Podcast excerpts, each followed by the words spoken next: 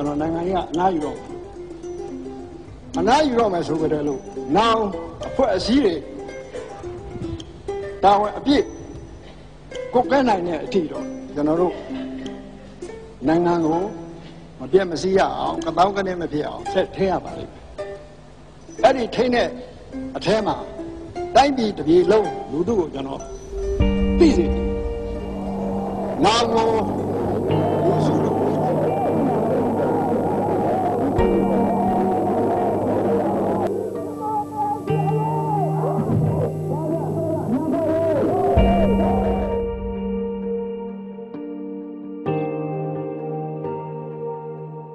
ငါတို့ကိုမဆန့်ကျင်ရင်အားလုံးနဲ့အလုံးလုံးလို့ရတယ်သူတို့ကိုငါတို့အတုံးချမယ်ဒီစကားကိုပြောခဲ့သူကတယံဇာတကျွဲဝပြီးအာရှစပတ်ကြီးလို့အမည်တွင်ခဲ့တဲ့မြန်မာနိုင်ငံကိုကမ္ဘာအစင်းရဲဆုံးနိုင်ငံဖြစ်အောင်လုပ်ခဲ့တဲ့အာနာယူဘိုနေဝင်းပဲဖြစ်ပါတယ်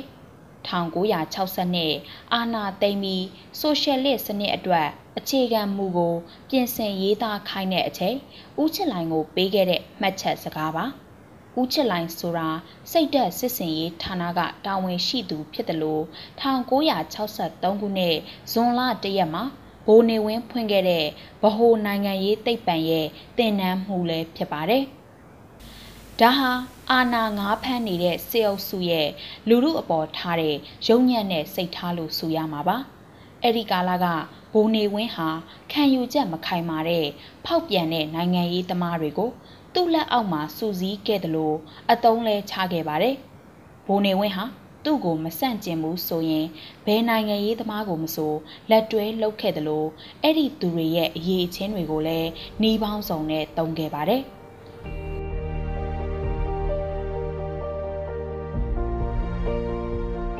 တော်လန်တော့ဘူးဆိုရင်အတုံးချလို့ရသမျှအတုံးချမယ်ဆိုတဲ့ဘိုးနေဝင်းရဲ့လူမဆန်တဲ့ကောက်ကျစ်တဲ့လောက်ရက်စိုးကိုသူ့နောက်ကတက်လာတဲ့စစ်ဗိုလ်ချုပ်တွေကလည်းဆက်သုံးခဲ့ကြပြန်ပါတယ်။ဘိုးနေဝင်း1960နှစ်အာနာသိမ်းမိတဲ့စစ်တပ်နဲ့အစိုးရအဖွဲ့ဆိုတာတူတူပဲဖြစ်နေခဲ့ပြီး1984မှာတော့အခြေခံဥပဒေနဲ့တော်လှန်ရေးကောင်စီဟာမြန်မာဆိုရှယ်လစ်လမ်းစဉ်ပါတီကိုအစားထိုးခဲ့ပါတယ်။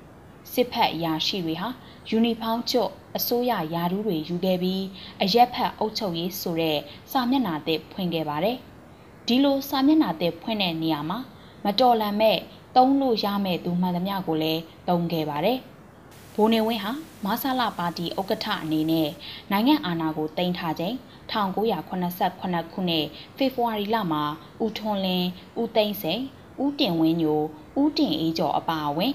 ပါတီဗဟိုကော်မတီဝင်တချို့ကပါတီဥက္ကဋ္ဌနေရာကနေဖြုတ်ချဖို့လှုံ့ဆော်ခဲ့ပါတယ်။ဒီကြိုးပမ်းမှုကိုဘိုးနေဝင်းကမရရအောင်ကြော်ဖြတ်ခဲ့ပြီးနောက်မှာတော့ပါတီရဲ့အရေးပါတဲ့နေရာတွေမှာအယက်သားကိုထည့်သွင်းတာထက်စစ်တပ်ဘက်ကလူတွေကိုပြောင်းထည့်ပြီးအာဏာစက်ကင်ထားရေးလှုံ့ဆော်ခဲ့ပါတယ်။ တိုင်းပြည်ကိုစင်ရဲတွင်ပို့ခဲ့တဲ့ဘိုးနေဝင်းလက်ထပ်အပြီးစစ်အုပ်စုဟာအမည်ပေါင်းစုံနဲ့နိုင်ငံအာဏာကိုစက်ကင်ထားခဲ့တယ်လို့စစ်အုပ်စုကိုတော်လှန်ခဲ့တဲ့သူတွေတဲကတုံးလို့ရတဲ့သူမှန်သမျှပြန်မတော်လှန်မဲ့သူမှန်သမျှကို နေရာပေးခဲ့တာတွေဆက်လုပ်ခဲ့ပါတယ်။ အထူးသဖြင့်2010ရွေးကောက်ပွဲအပြီးယူနီဖောင်းချုပ်ဗိုလ်သိန်းစိန်အစိုးရလက်ထက်မှာတော့1988အရေးခင်းကလေးကစစ်အုပ်စုကိုနှီးပေါင်းစုံနဲ့တော်လှန်ခဲ့သူတွေကိုဖိတ်ခေါ်ခဲ့တာကြောင့်ပြည်တော်ပြန်ဆိုတဲ့လူရန်စားတရက်ထွက်ပေါ်လာပါတော့တယ်။ငွေလိုရင်ငွေကားလိုရင်ကားယာဒူးလိုချင်ယာဒူးပေးပြီးစီးရုံခဲ့ပြီးတုံးလို့ရတဲ့နေရာမှန်သမျှထည့်သုံးပြီးတစ္ဆာခံစီခဲ့ပါတယ်။ ဒါဟာ1960ကျော်ကာလကဘိုးနေဝင်းတုံးခဲ့တဲ့မဆန့်ကျင်ရင်ပြီးရောသူတို့ကိုအတုံးချမယ်ဆိုတဲ့ပုံစံအတိုင်းပါပဲ။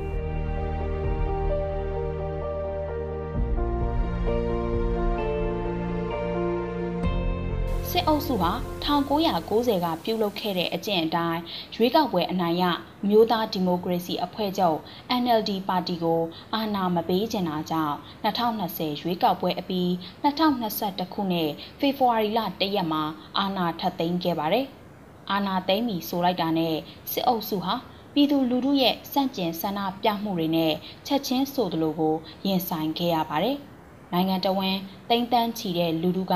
လမ်းပေါ်တက်ပြီးငြိမ်းချမ်းစွာဆန္ဒဖော်ထုတ်ခဲ့ကြပါတယ်။အဲ့ဒီဆန္ဒပြမှုတွေကိုစစ်အုပ်စုဟာကာလအတန်ငယ်တစ်ခုထိလက်ပိုက်ထိုင်ကြီးခဲ့ပါသေးတယ်။ဒီလိုထိုင်ကြီးခဲ့တာဟာလေစစ်အုပ်စုကတုံးနေကြဖြူဟာတရက်ပါပဲ။ဇနာပြမှုတွေတော်လန်မှုတွေမှာအရေးပါတဲ့လူတွေထွက်လာအောင် အချိန်ပေးခဲ့တာပဲဖြစ်ပါတယ်။1988လူမှုအရေးတော်ပုံ 1996အရေးအခင်းနဲ့2000ရွှေဝါရောင်တော်လန်ရေးကာလတုန်းကလိုပဲ2021ຫນွေဦးတော်လန်ရေးမှာခေါင်းဆောင်လုပ်သူတွေထွက်လာပြီးဆိုတော့မှပြစ်ခတ်ဖြိုခွဲဖမ်းဆီးရိုက်နှက်တပ်ဖြတ်မှုတွေကိုဇက်တိုက်လှုပ်ဆောင်ခဲ့ပါတယ်။ဗိုလ်မင်းအောင်လှိုင်ခေါင်းဆောင်တဲ့စေအုပ်စုဟာရှေ့ရှေ့က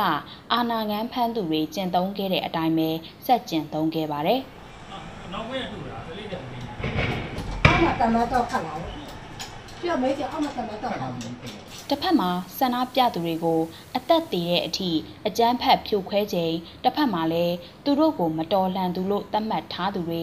အတုံးချလို့ရမဲ့သူတွေကိုစူးစီးပြီးအတုံးချနိုင်တဲ့နေရာမှန်သမျှမှာအတုံးချခဲ့ပါတယ်။ ဘိုးနေဝင်းလက်ထက်အရက်သားတွေကိုခေါ်သုံးတဲ့နေရာမှာအာပြန်ခံမာကိုလည်းစိုးရိမ်တာကြောင့်အင်းနဲ့အားနဲ့လုတ်ပိုင်ခွင့်စုံဖြတ်ပိုင်ခွင့်မရှိတဲ့နေရာတွေမှာယာတူးပေးပြီးအယိုးအရင်ပေးကြိုက်ထားခဲ့ပါတယ်။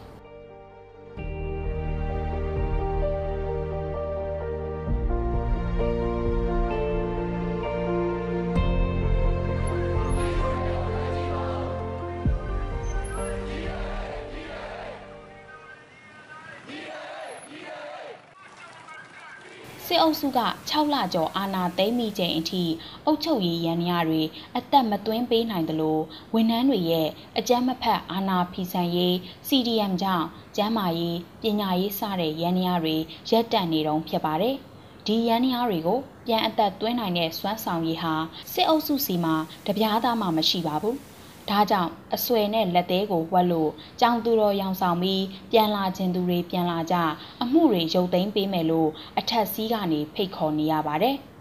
ဖိတ်ခေါ်တဲ့နေရာမှာလဲလူလူကမဲပေးထားသူတွေအများစုနဲ့ဖွဲ့စည်းထားတဲ့ CRPH, NUG နဲ့2020ရွေးကောက်ပွဲအနိုင်ရ NLD ပါတီကိုအစွန်းရောက်တွေအကြမ်းဖက်သမားတွေလို့ဆွဆွဲပြီးဒီလူတွေကြောင့်ဆန္ဒပြမှုတွေအကြမ်းဖက်မှုတွေဖြစ်ရပါတယ်လို့ဆွဆွဲထားတဲ့အပြင်ဒီအစုအဖွဲ့တွေရဲ့ဖိအားကြောင့်စစ်အုပ်စုစန့်ကျင်ရေးလှုပ်ရှားမှုမှာပါဝင်တဲ့ကျောင်းသားဝန်ထမ်းနိုင်ငံသားတွေမစိုးရိမ်ကြဘဲပြန်လာကြပါ ဖွင့်ထားတဲ့အမှုတွေကိုပိတ်သိမ်းရုပ်သိမ်းပေးမယ်လို့ကမ်းလှမ်းနေခဲ့ပါတယ်။စေအုပ်စုကပြန်လာဖို့ကမ်းလှမ်းတာဟာအကန့်အသတ်တွေနဲ့ပါ။ယခုကာလအတွင်းလူတက်မှုလူရက်မှုမီးရှို့မှုမိုင်းဖောက်ခွဲမှု လုံခြုံရေးတပ်ဖွဲ့ဝင်များအားရည်ရွယ်ချက်ရှိရှိတိုက်ခိုက်မှုပြည်သူဝန်ထမ်းများနှင့်ပြည်သူအချို့အားအုပ်စုဖွဲ့ကိုထိလက်ရောက်တိုက်ခိုက်မှုအစိုးရပိုင်းအစာအုပ်များနှင့်ပုဂ္ဂလိကပိုင်းအစာအုပ်များအားဖျက်ဆီးမှု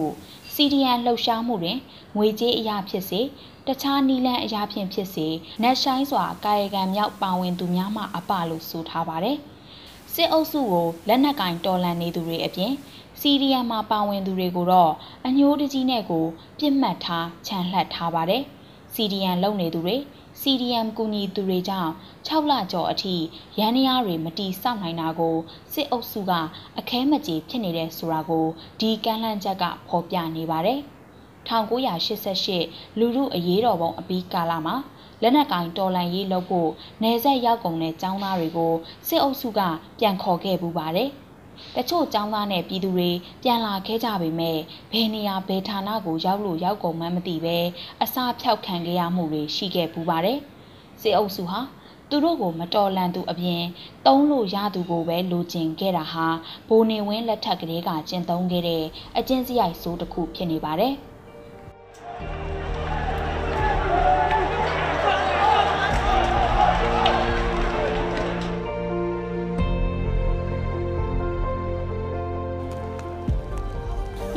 2021ຫນွေဦးတော်လှန်ရေးဟာအာနာငံဖန်စစ်ဝါဒီအုပ်စုနဲ့သူတို့ရဲ့ခိုင်းဘက်အလိုတော်ကြီးတွေကိုအမြင့်ကနေရှင်းထုံမဲ့တော်လှန်ရေးဖြစ်ပါတယ်။လက်နက်အင်အားနိုင်ငံဘဏ္ဍာကိုအပိုင်စီးပြီးငွေအင်အားပါရှိနေတဲ့စစ်အုပ်စုကိုတော်လှန်နေတာ